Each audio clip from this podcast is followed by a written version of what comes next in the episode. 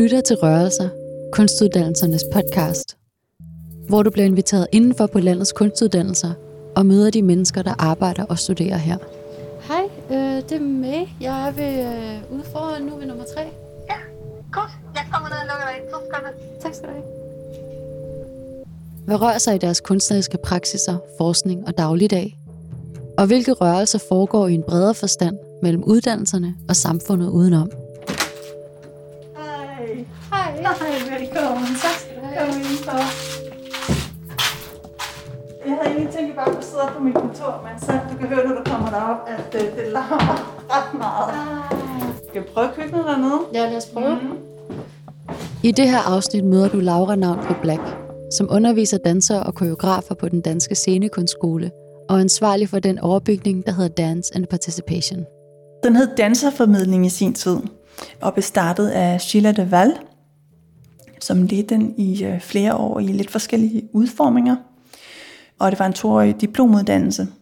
Så det, jeg har været med til at forme, det er uddannelsen i dens nuværende form, som er en kandidat, og som så også har skiftet navn til Dance and Participation. Øh, Det er en kandidatuddannelse for dansere, som allerede er professionelle udøvende, og som har lyst til at udvide deres praksis til at inddrage folk i den skabende processer, i dansen og i koreografien. Så der er allerede noget der i forhold til, hvordan man tænker, at det skabende og det hvad skal man sige, performative eller udøvende hænger sammen. Altså det er ikke to separate ting, det kan det være, men vi arbejder der, hvor de overlapper. Laura har selv gået på uddannelsen, dengang den hed danseformidling. Men en del har ændret sig siden, i takt med nye strømninger i dansemiljøet udenom. Det er jo et felt, der er i udvikling, og det er et felt, som jeg synes er interessant, fordi at vi har, synes jeg, gang i noget ret specielt her i Danmark, i forhold til den retning, som feltet tager.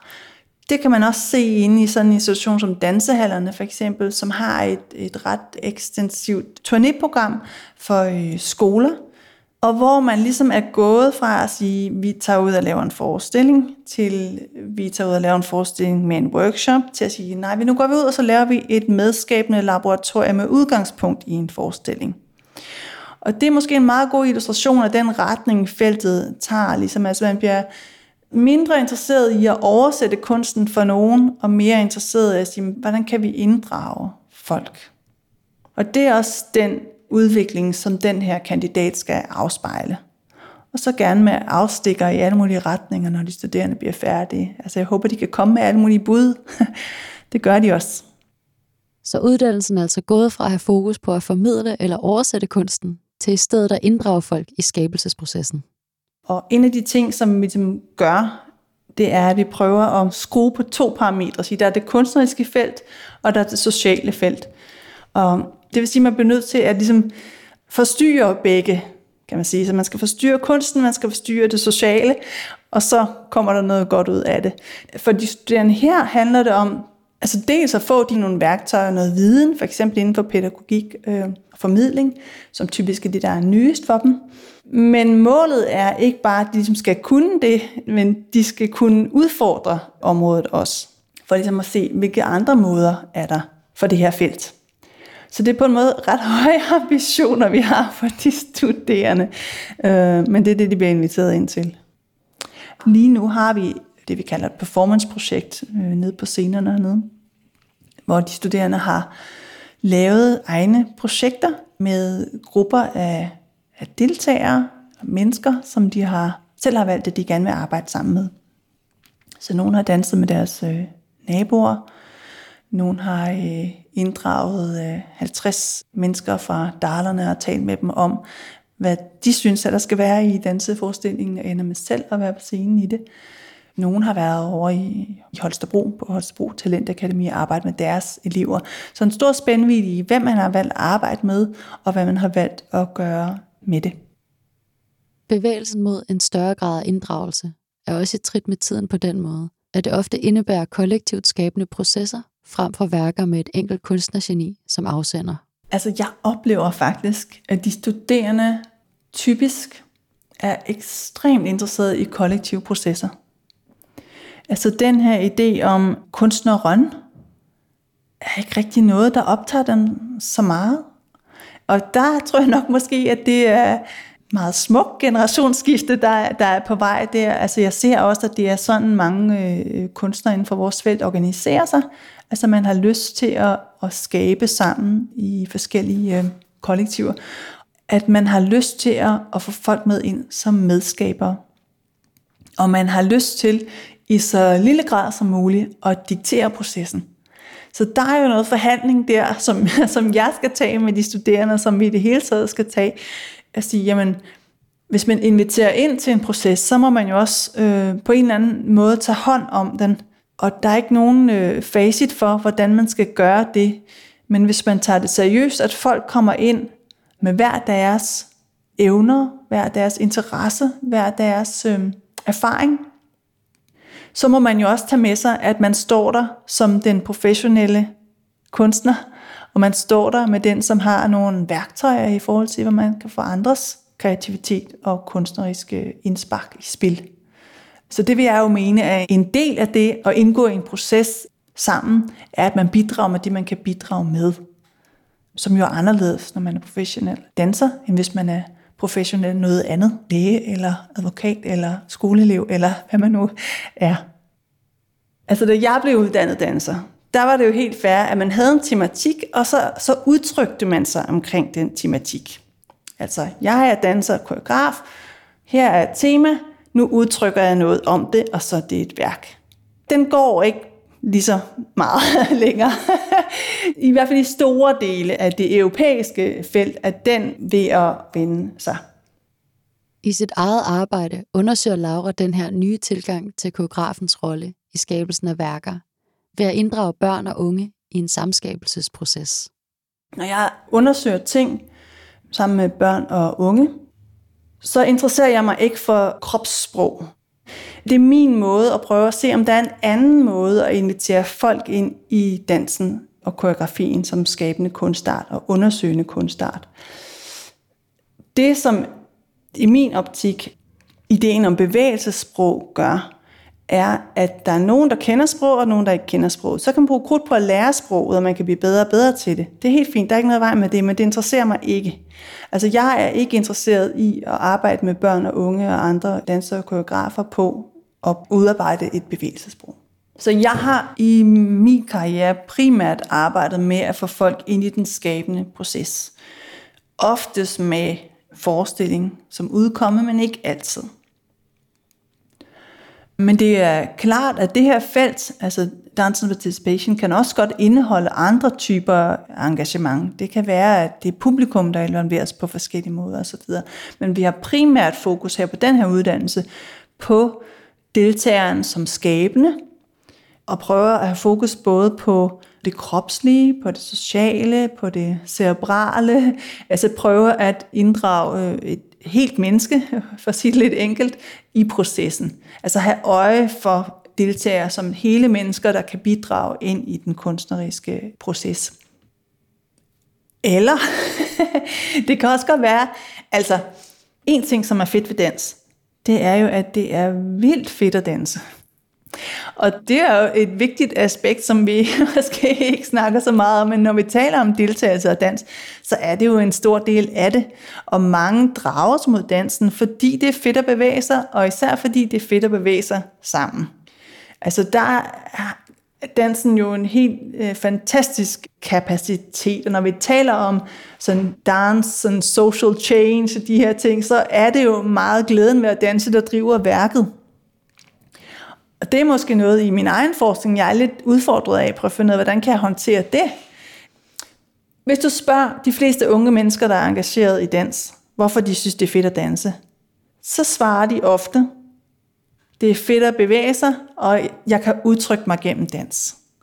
Nu kommer jeg ind og siger, jeg er ikke interesseret i dit kropslige udtryk. Nu arbejder vi lige på noget andet her så må vi jo finde ud af at lokalisere den der glæde ved at engagere sig med dansen og koreografien et andet sted.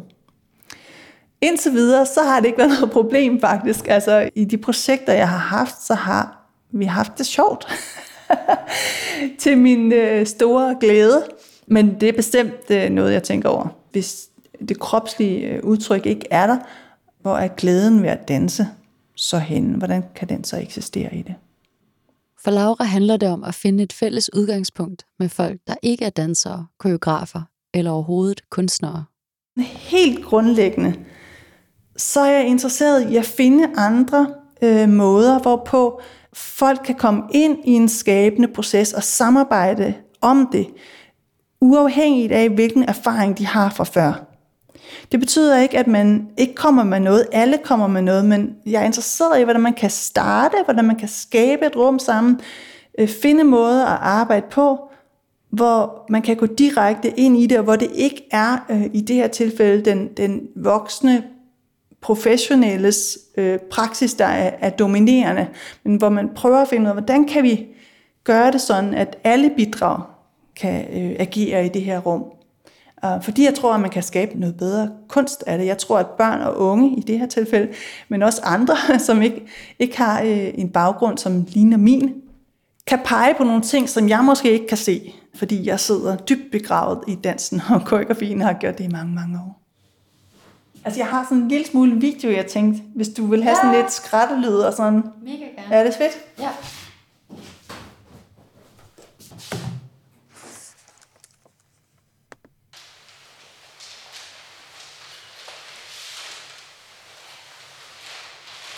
Så det her projekt, det er det første, jeg har lavet med børn øhm, og, prø- og i en undersøgende praksis. Altså jeg har arbejdet med børn og unge rigtig meget, som koreograf og som underviser og sådan. Men her begyndte jeg ligesom at blive interesseret i, hvordan vi kunne skabe kunst sammen.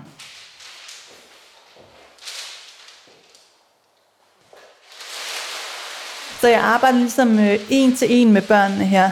Altså vi mødes hver dag i nogle timer, og vi arbejder sammen. Vi finder på opgaver undervejs, og så er processen den, at hver dag skal vi lave et kunstværk.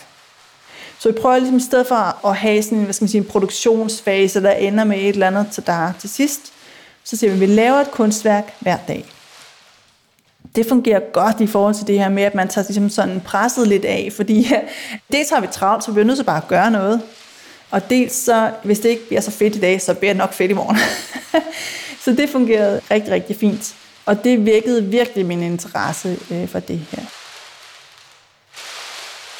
Det er en dagsopgave, vi fandt på, hvor vi laver ikke-mennesker ud af hinanden.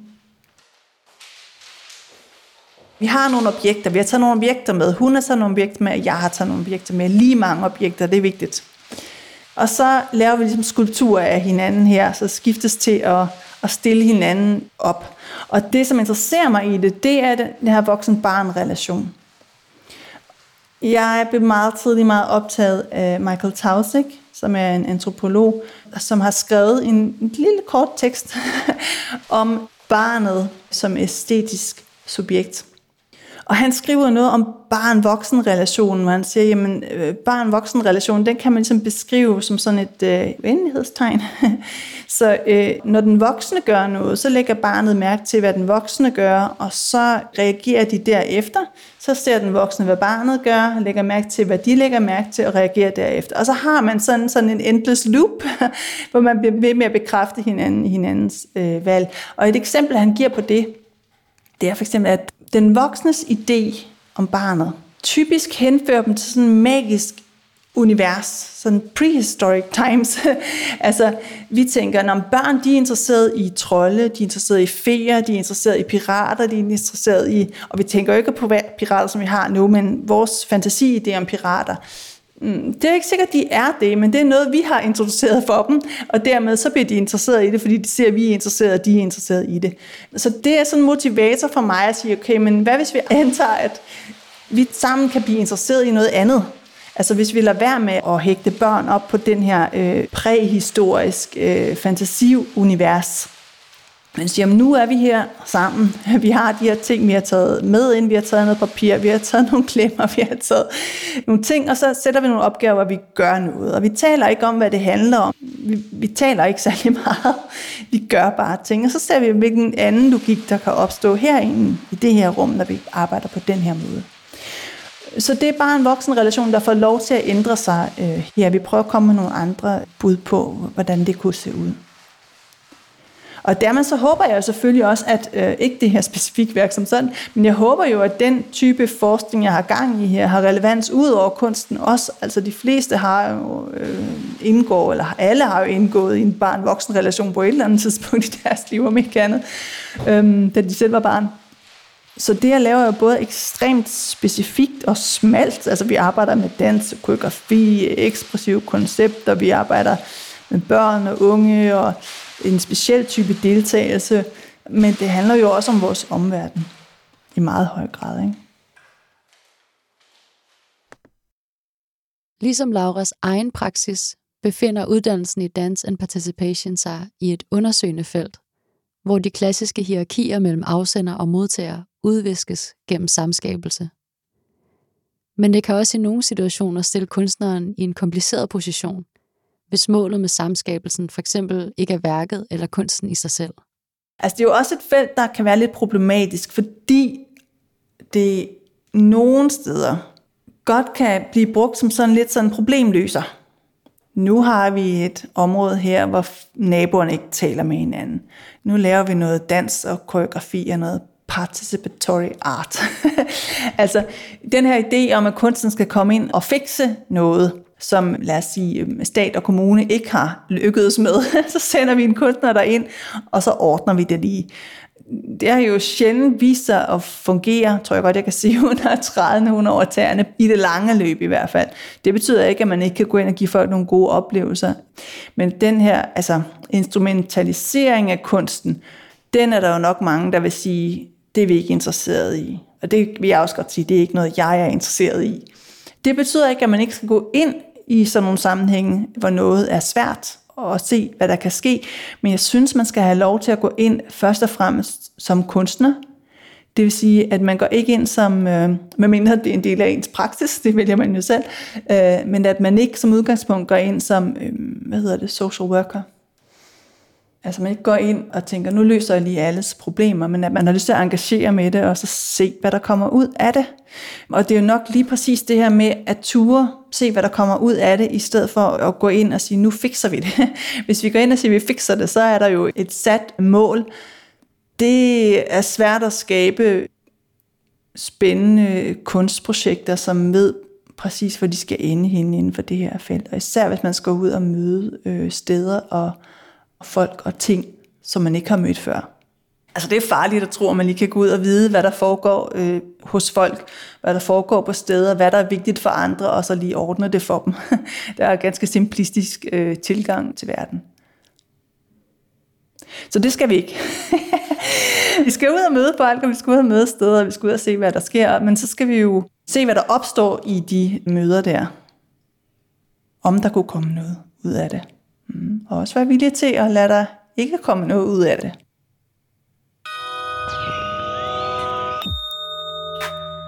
Du har lyttet til Rørelser, kunstuddannelsernes podcast.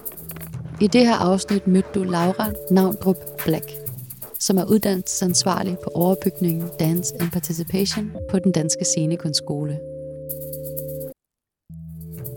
Undervejs hørte du lyd fra nogle videooptagelser af et kunstprojekt, hvor Laura sammen med børn og unge bruger forskellige objekter til at lave skulpturer ud af hinanden. Tak fordi du lyttede med.